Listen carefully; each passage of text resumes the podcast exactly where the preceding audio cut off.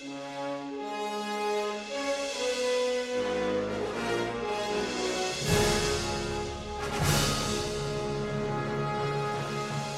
dic Ana Mata i li pregunto a tothom i vostè què fa quan es lleva pel matí?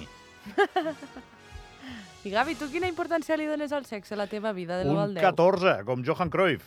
em sembla que ets l'única persona que ens dirà això uh, en, en el que ens queda de campanya. Abans t'ho he dit, el que ens digui que, que no li'n dona cap, aquest serà el campió. Sí, Perquè serà estrany també, eh? dir que li'n dones molt, molta, doncs eh, bé, pot, pot quedar bé, no? Al final és políticament Mm. Correcte. I ara, com que ja en portem uns quants que han dit que molta, tothom dirà que molta, no?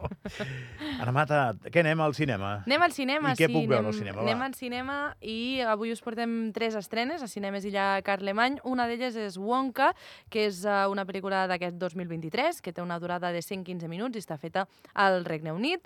Al repartiment uh, tenim uh, Timothy Chalamet, Olivia Colman, uh, Hugh Grant i també Sally Hawkins, entre altres, i un que em sembla que et sonarà, Eh? Bueno, els Que és- els que, els que has dit també, els també, però aquest potser et sona una mica més, almenys a mi sí que em sona una mica més, que és Roman Atkinson. Atkinson. Eso. eh? Perdona, però... Sí, sí, sí. És aquest... Atkinson. Sí, és ese. Mr. Bean. Mr. Bean, pues Sí. també surt en aquesta, en aquesta pel·lícula. Uh, és una pel·lícula de gènere fantàstic, comèdia, és un cinema familiar i és una preqüela. En aquest cas està basada en el personatge que protagonitza Charlie la fàbrica de xocolata, un dels llibres infantils més venuts de tots els temps, i Wonka ens explica la història de com el, el màxim inventor, el mag, el xocolater del món, es va convertir en aquest estimat Willy Wonka en el seu moment, que és també el que coneixem avui en dia, i centrant-se en els inicis d'aquest jove i de com va conèixer els Umpalumpas. Us perdem el tràiler. He pasado los últimos siete años viajando por el mundo y perfeccionando mi oficio. Veréis, tengo algo de mago, de inventor y de chocolatero. Así que boca abierta y oídos cerrados. No, olvídenlo, quería decir lo contrario. Señor Wonka, veo que es usted un hombre de gran ingenuidad. ¿Qué estás haciendo? Hago chocolate, evidentemente. ¿Cómo te gusta? ¿Negro, blanco, de coco loco, para volverse loco? Son muchos los que han venido aquí a vender chocolate. Todos han sido aplastados por el cártel del chocolate. No se puede tener una chocolatería sin vender chocolate. Y no se puede vender. Aquesta promet, eh? He llegit que està bé, la pel·lícula. Això diuen, això diuen. Sí, he llegit que de està fet, bé. es pot veure en versió original i també a Matmos, o sigui que tenim totes les opcions disponibles amb aquesta, amb aquesta pel·lícula. Després comentarem els horaris així en plan eh, ràpid, perquè sé que tenim poc temps. tenim també Bull Run. És una altra pel·lícula que s'anomena així, eh, d'aquest any 2023. És curteta, són 79 minuts, Carai. feta a Espanya. De fet, és un documental, no és una pel·lícula, i eh, ens parla el gènere, en aquest cas, o la temàtica, són la borsa, els negocis, l'internet i la informàtica. Concretament, és la història de la protagonista, que és l'Anna, que és una cineasta que es dedica al comerç de les criptomonedes durant la pandèmia.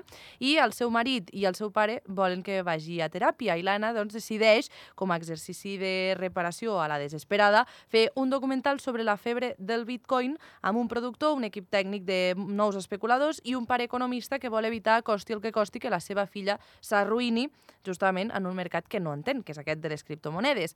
A Les criptomonedes diuen que són una tulipa o una bombolla, li diuen dels segells del segle XXI, és a dir, una estafa per a tota la vida. I en aquest documental ens expliquen la història de l'Anna, que servirà com a cavall de Troia per endinsar-se en l'ecosistema cripto a través de testimonis d'experts. Antes de introducirme en el mundo de las criptomonedas y las inversiones, para mí, el único arte era contar una historia. Todo empezó con mi marido grabándome vídeos para que viera lo yonki de las criptomonedas que estaba. Que dejes ya los putos bitcoins. Está enganchada a especular con moneditas virtuales que encima no existen. Si algo había aprendido de cineastas mejores que yo, era que el cine te permite convertir cualquier catástrofe de tu vida en una película. ¿Lo estás viendo? Jo tinc un amic que li dic el catàstrofe. Mira, pobret amic, també t'ho dic. Però s'ho diu ell a si mateix, també. Però si s'ho diu ell, llavors ja, ja està salvat. Aquesta, aquest documental és per majors de 12 anys i eh, només s'emetrà el dijous dia 14 a un quart de nou del vespre. Val? Té bona pinta, eh? Doncs sí, la veritat és que sí. Més per un tema que molts no n'entenem.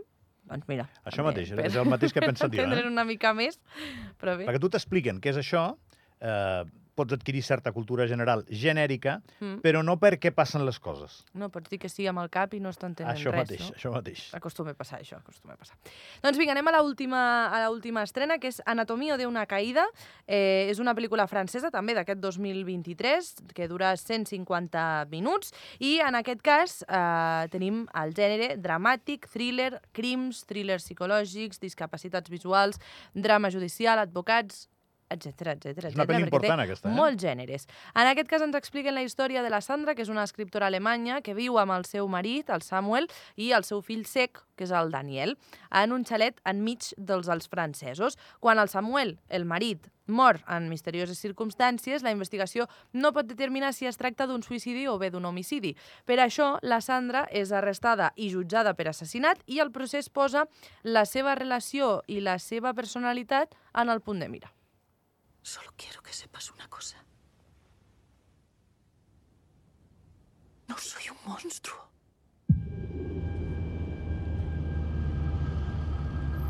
Necesito que seas precisa. Cuéntamelo todo. Sí.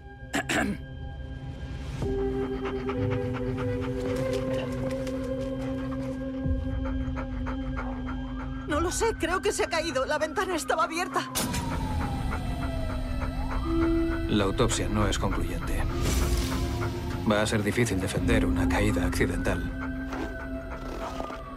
Por eso han abierto una investigación por muerte sospechosa. Eres la única persona que estaba presente. Y encima, eres su mujer. Alto. Alto no, Alto. 1,74. Doncs sí, aquesta anatomia d'una caïda eh, per majors de 12 anys i es podrà veure també en versió original, pel·lícula francesa, com, com dèiem. Avui he comès un error. Cuidao. No, sí, és que m'he llegit la crítica de Carlos Boyero d'Anatomia d'una caïda i a aquest home no li agrada res. I llavors sempre dic el mateix. He comès un error. I l'he vist, dic, la leo o no la leo? I ja l'he llegit. I- Ara has d'anar-la no- a veure al cinema. És que no li agrada res, no li agrada res, aquest home. És molt Amb difícil raó. que li... Ja, bueno... Ara, potser una que li agradi, potser tu no t'agrada. O a la resta del públic possible, en és general, possible, vés a però saber. com que es mulla tant aquest home, acabes eh, de decidint que el llegeixes per veure què diu. Mm, sí, sí. I bé, diu que és una mica sosa, que és una mica freda.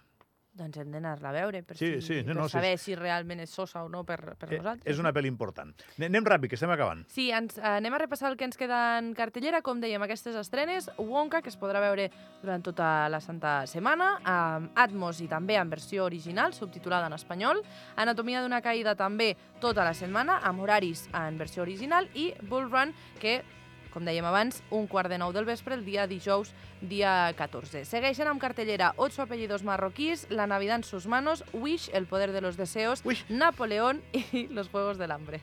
Wish és la història d'un home que fica un peu en una piscina freda. Gràcies, Ana Mata.